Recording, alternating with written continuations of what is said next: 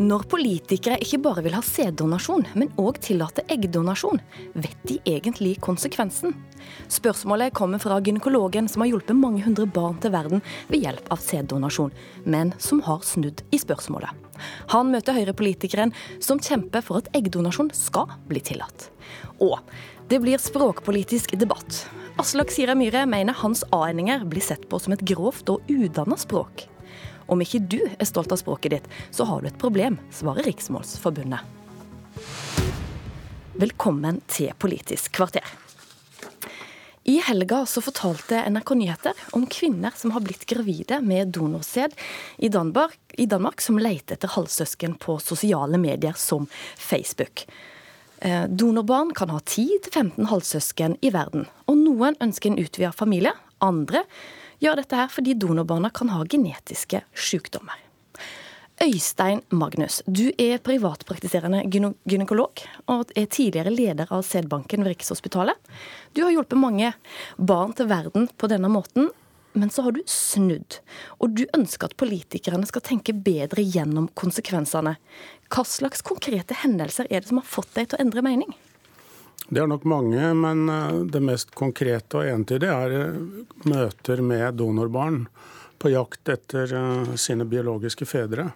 Og spør, spør meg om jeg kan hjelpe dem å finne veien dit. Og tilsvarende sæddonorer som spør etter om de har noe barn etter seg, eventuelt hvordan de kan få kontakt med det. Og når de spør deg om dette, hva svarer Nei, de? På den tiden hvor jeg hadde ansvar for dette, så var det anonym sæddonasjon. Det betød at vi brøt alle mulige forbindelser mellom sæddonor og de som mottok sæden. Sånn at det møtet var umuliggjort, og det er fortsatt umuliggjort. Men det finnes jo i dag eh, nettsider hvor man kan eventuelt eh, møtes. Men det finnes ikke noe register om hvem sædgiverne var fra 90-tallet, hvor jeg holdt på med dette, og de som fikk behandlingen. da. Og dermed finner de hverandre på sin egen måte, som NRK da har fortalt. Men sett i lys av dette, hva er det du etterlyser hos eh, politikerne? Nei, Jeg, jeg syns at debatten og den kommer jo opp igjen nå i forbindelse med eggdonasjon. og Dette med å donere kjønnsceller, som er altså mitt arvestoff, skal jeg donere enten det er kvinne eller mann til et fremmed par. Fordi deres ønske om å få barn skal oppfylles. Og Det er en vakker tanke, og jeg har brukt livet mitt stort sett på å hjelpe folk som ektefolk som har hatt problemer med å bli gravide. Og Jeg er fortsatt gynekolog og bruker mye tid på det, også de som ønsker både sæd- og eggdonasjon. Det sier samfunnet er et oppdrag som jeg skal ta, ta vare på, og da gjør jeg det. Men jeg er betenkt over, over det derre å gi fra seg sitt arvestoff og de som da vokser opp. Man snakker om barn og barns oppvekstvilkår, at omsorgsevnen til de som mottar, er like god som andre. Og det er så selvfølgelig at det er på en måte et sidespor. Mitt anliggende er når, når, du blir voksen og kanskje skal lage familie selv, og du begynner å reflektere hvem er jeg, hvor kommer jeg fra, så er det ikke mulig å svare på. Tina Bru, du er leder i eh, Høyres kvinneutvalg, og du er òg stortingsrepresentant for Høyre. Da dere hadde landsmøte, så var du en av de eh, mange i Høyre som kjempa for å tillate eggdonasjon, selv om det ikke gikk gjennom, jeg ble lagt på vent. Når du hører Magnus eh, mane til mer refleksjon, hva tenker du? Jeg tenker at vi alltid har godt av å reflektere rundt disse spørsmålene. Og det har jo slått meg, og jeg tenkte på det selv, at i den diskusjonen vi har hatt om eggdonasjon, så har man, når man da tenker på sæddonasjon, som har vært lov i så mange år i Norge, men jeg personlig var ikke så reflektert rundt det fordi vi har snakket så mye om eggdonasjon f.eks. Men så ble jeg utfordret på mine egne tanker her nå om eh, det å i det hele tatt gi genmateriale eller arvestoff videre, donere det for at andre skal få barn.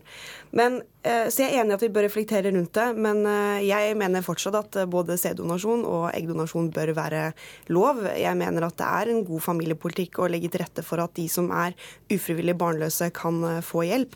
Men det jeg syns er veldig bra, som er en forskjell på hvordan det var før, og som jeg er helt enig med det som blir sagt her i, er jo at vi tenker nå mer på barns rettigheter knyttet til dette. Altså at de barna som er født eh, ved hjelp av en donor, skal ha rett til å vite sitt opphav.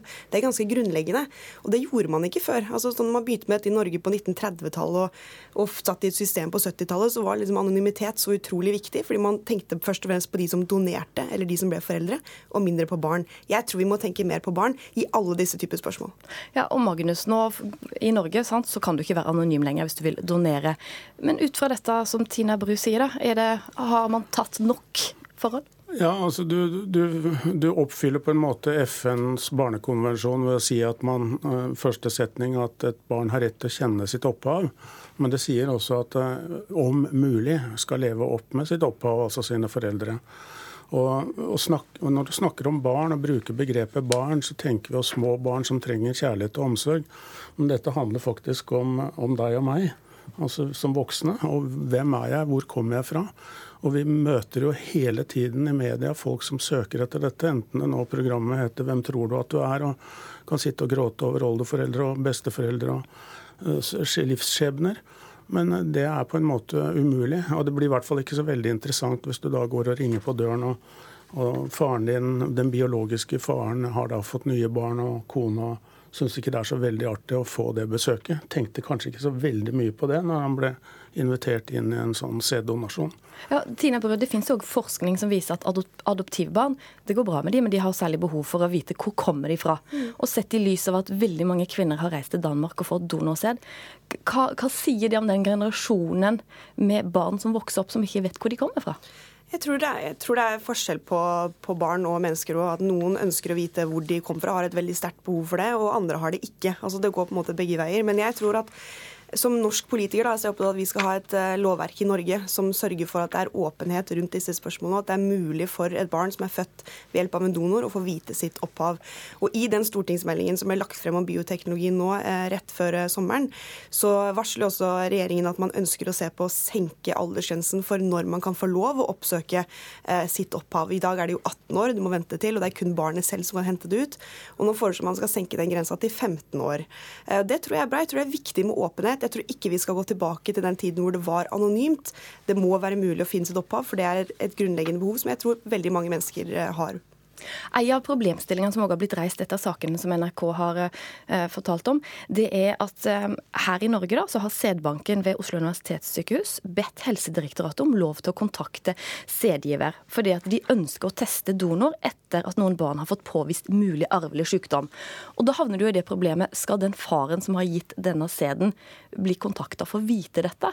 Eh, Magnus, hva syns du eh, at eh, sykehuset bør få lov til?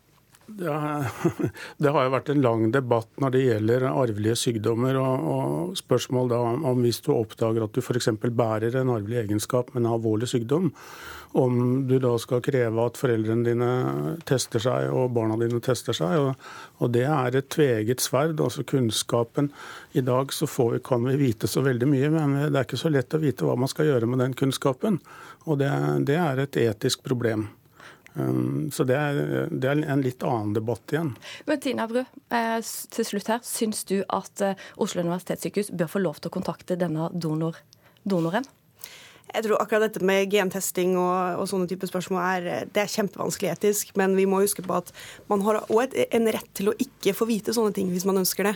Og jeg tror ikke dette er en problemstilling som bare rammer de som er donorer, men dette kan ramme helt andre mennesker òg, som for en eller annen grunn får oppdaget at de har en genetisk sykdom. Så jeg syns det er vanskelig å svare på akkurat det, men eh, man skal huske at man òg har en rett til å ikke få vite. Debatten om eggdonasjon den kommer nok til å fortsette i denne omgang. Takk til deg, Tina Bru, leder i Høyres kvinneutvalg, og Øystein Magnus, privatpraktiserende gynekolog.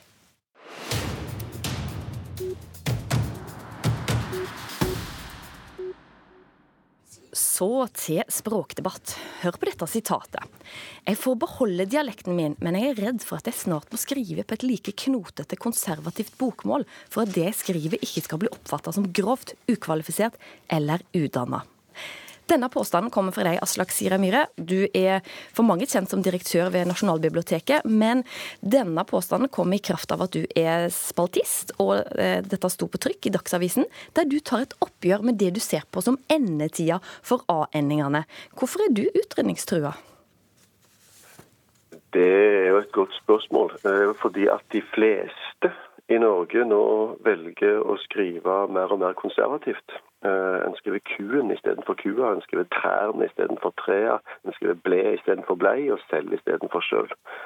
Og når mange gjør det, og særlig når eh, de som skriver akademisk og litterært gjør det, når avisen gjør det, så oppfattes vi som skriver radikalt bokmål, eller talenært, som det også heter, vi oppfattes som særere og særere, og ikke minst mer og mer eh, vulgære, eller være mindre og mindre skikkelige. Når far min flytta til Oslo på 1968, så skulle han altså inn i SF. Og når han hadde snakket på stavangersk, så sa folk etterpå kan du oversette? Jeg skjønte ikke et ord av hva han fyren sa, jeg. Og Det var selvsagt ikke sant. Det var ikke sant at de ikke skjønte det, men en måte å hevde at eh, østnorsken og oslospråket var finere enn dialektene på. Men jeg skjønner iallfall hva du sier nå, selv om lyden er litt dårlig, for du er med oss på telefon fra Mo i Rana. Men her i studio så har vi Bjørgulf Vinje Borgundvåg, som er styremedlem i Riksmålsforbundet. Myhre sier her at han blir oppfatta som vulgær. Vil du, vil du, være med å ta et ansvar og sørge for at A-endingene i det radikale bokmålet skal få bedre levekår? Det, akkurat det vil jeg ikke ta ansvar for at det skal forbedre levekår radikalt bokmål, men jeg vil gjerne være med å ta et ansvar for å si at alle bør fremme det målet de syns er rett, og den språkformen de syns er rett. Og de som står for radikalt bokmål, de mener jeg bør tørre å fremme det. Aslak Sira Myhre har en veldig profilert språklig fortid som leder av foreningen Les, leder av Litteraturhuset. Og jeg syns det er litt trist hvis han ikke tør å stå for det språket han mener er riktig for ham å skrive. Og så vil jeg også da si at han snakker nå om konservativt og radikalt bokmål, og at det er det radikale som er talenært. Og det vil jeg gjerne nyansere litt, fordi at vi har konservativt, vi har moderat, og vi har radikalt bokmål. Og for de som skriver moderat bokmål, som jo er det store flertallet, så er det det som er talenært for dem.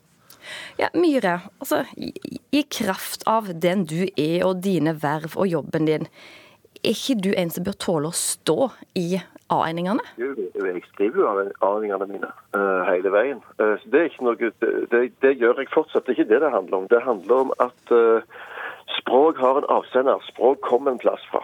Og det moderate eller konservative bokmålet det kommer fra vinneren i Oslo. Det kommer fra borgerskapet for vinneren i Oslo og er talemålet for noen. Eh, og når vi hadde språkkamp i Norge i 200 år, så handla det om at eh, avsendere fra resten av landet, avsendere fra bøndene, fra folkebevegelsene osv., at de språk skulle være like fint som borgerskapet sitt språk. Enten det var nynorskkampen eller lokale bokmålkampen. Og Det har vi kommet, kommet ganske langt med. Men det som holder på å skje nå, det er at igjen så blir det sånn at det å sende språk fra vinneren i Oslo, det blir finere enn å sende det fra Stavanger, eller fra Toten, eller fra Gjøvik, eller fra andre plasser. Vi ser det overalt. Senest i forrige uke så en akademiker som forteller at når hun leverer en tekst på radikalt bokmål til tidsskrift, eh, så får hun tilbake spørsmål at de stiller spørsmål med om ei og er akademisk nok til å ha med. Når jeg leverte leserbrev til Aftenposten i forrige uke, så heter boka skal fram, så kunne det på trykk som boken skal fram. Og Det er konstant normering som ikke bare handler om hvordan du skriver, men det handler om hva som regnes så fint. Og Sånn som jeg skriver og sånn som jeg snakker, regnes ikke så fint nok. Og Det bekymrer meg, for det, det som ender opp med det, er at du får skriftspråk i Norge som blir likere og likere, og det blir det konservative eller moderate bokmål. Ja, Borgen Våg, Myhre her forteller om fagfellevurderinger der de endrer fra radikalt til det litt, eh, som noen kaller det, penere konservative bokmålet. Bør det være sånn? Jeg vil først si at jeg reagerer veldig sterkt på at Isira Sira Myhre sier at bokmålet kommer fra vinneren i Oslo.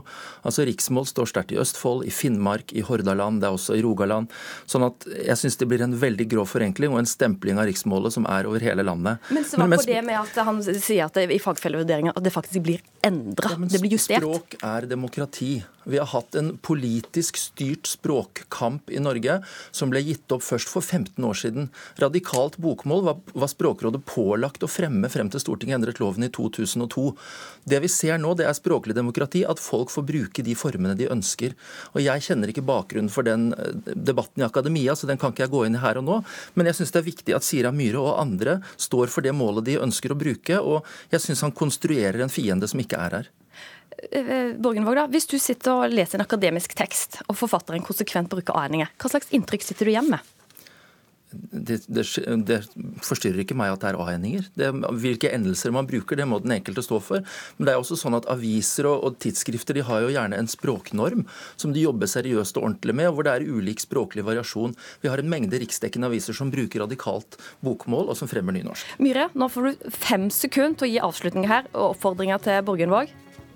Dette er ikke den største saken i verden. Eh, men det som er, er at hvis du tar fra folk språket deres, hvis du tar fra og lager et norsk språk som blir mer som dansk og svensk, hvor det skal skrives og snakkes sånn som man gjør på vestkanten i Oslo, så gjør du kulturen og språkbrukerne fattige.